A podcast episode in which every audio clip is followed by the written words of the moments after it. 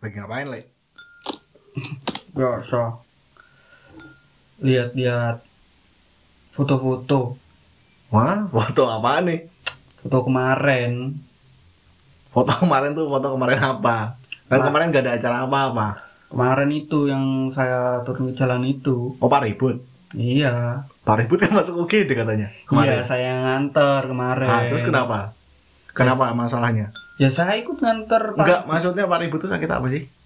Kesleo. Keselio masuk UGD. Iya, soalnya kesleo bikin anjing jangan gara-gara Pak ribut nih aku sulit improvnya anjir. Lah kamu kenapa susah terpancing?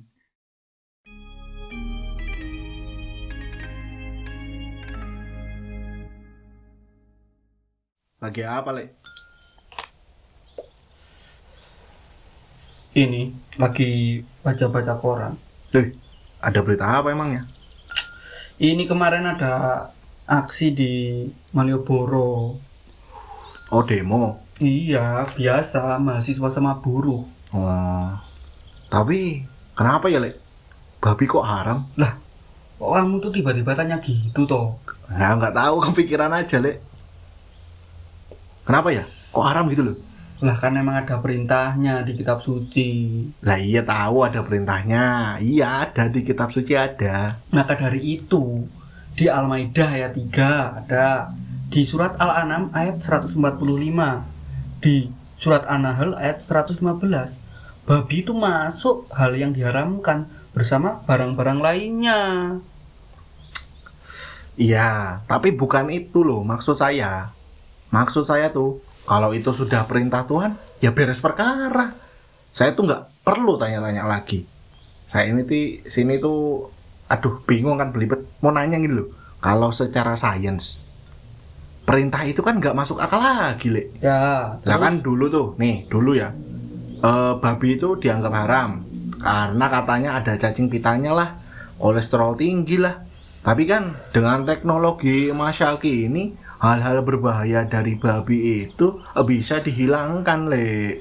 terus Ya berarti nggak ada alasan lagi dong dasar babi jadi haram. gini loh kalau soal kenapa babi haram karena ada cacing pita dan lain sebagainya itu hal kayak gitu muncul bukan dari kitab suci sebab dan alasan loginya logisnya itu babi itu kan ya tentang tafsir ulama pada zaman itu toh Ah, ketika tafsir itu dikeluarkan pada zamannya alasan itu ya masih relevan nah kalau sekarang ya mungkin tafsir alasan haram karena cacing pita itu udah nggak relevan lagi berarti sekarang boleh makan babi dong. Bukan begitu. Kamu kehilangan poinnya sekarang. Maksudnya? Poinnya begini. Soal tidak relevannya itu hanya pada alasan kenapa babi haram. Bukan soal haram atau tidaknya babi. Itu dua hal yang berbeda toh, Le. Maksudnya? Maksudnya tuh begini. Kalau ada orang yang nanya, kenapa orang Islam itu harus sholat? Lalu ada tafsir yang bilang, kalau gerakan sholat itu bagus untuk kesehatan. Lantas ditemukan bahwa tanpa sholat dengan gerakan senam misalnya, orang itu bisa sehat. Lalu ada yang nanya lagi, terus kenapa orang harus sholat? Orang nggak sholat aja juga bisa sehat toh? Lah terus jawabannya apa, Le? Ya jawabannya karena orang Islam sholat itu bukan karena kesehatan, bukan untuk cari kesehatan. Sama seperti orang Islam nggak makan babi, bukan karena untuk menghindari cacing pita. Saya, saya sedang berproses berpikir. Lah, jadi sebenarnya perintah Tuhan itu nggak ada alasan logisnya, Le.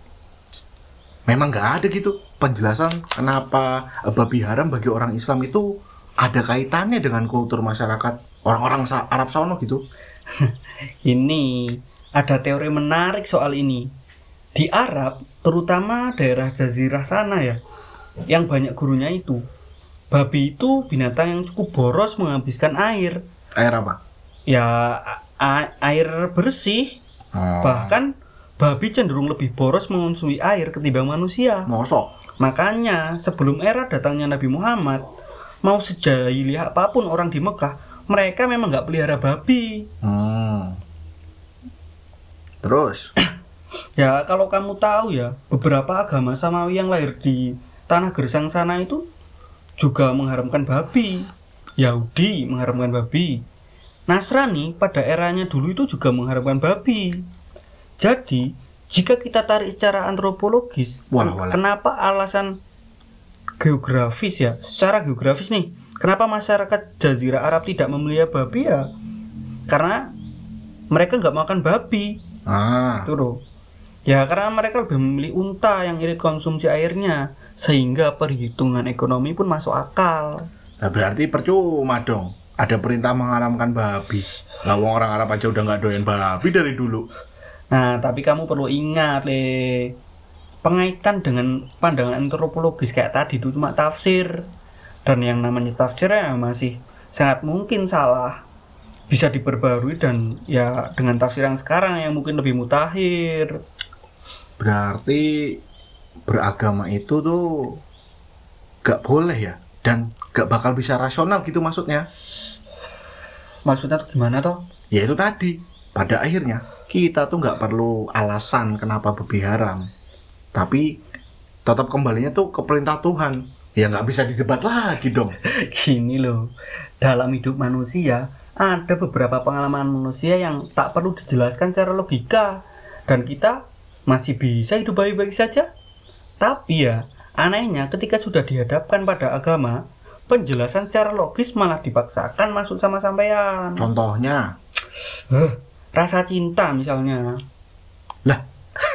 ini malah sok romantis gimana sih? Loh, aku ini serius. Cinta itu ya adalah hal yang tak perlu dijelaskan secara logikanya. Kita terima-terima aja toh. Memang ada ilmu psikologi yang menafsirkannya. Tapi ya, apakah 100% akurat? Kan nggak juga toh. Selalu ada kemungkinan tafsir yang lebih mutakhir dari waktu ke waktu untuk menjelaskan rasa cinta itu. Artinya, Ya, artinya orang beragama itu ya mirip kayak orang jatuh cinta lah. Wong kita tuh nggak perlu alasan rasional ketika merasakannya. Tapi ketika ada orang yang mendesak kita dan bertanya, kenapa sih kamu tuh jatuh cinta? Ya itu nggak bisa dijelaskan toh, karena biasanya kita itu ya dialami secara langsung.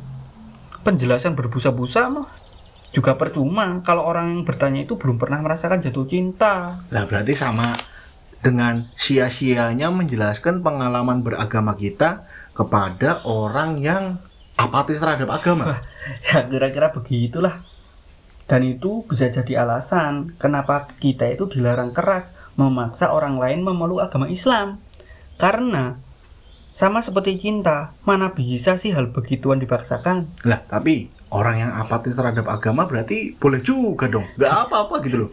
Ya nggak masalah toh. Lawang Tuhan aja nggak masalah kalau ada makhluk yang nggak mengakui dirinya. Nggak rugi-rugi amat buat Tuhan. Kok kita sebagai manusia malah masalah dengan hal itu? Memangnya kita itu siapanya Tuhan? Pengacaranya.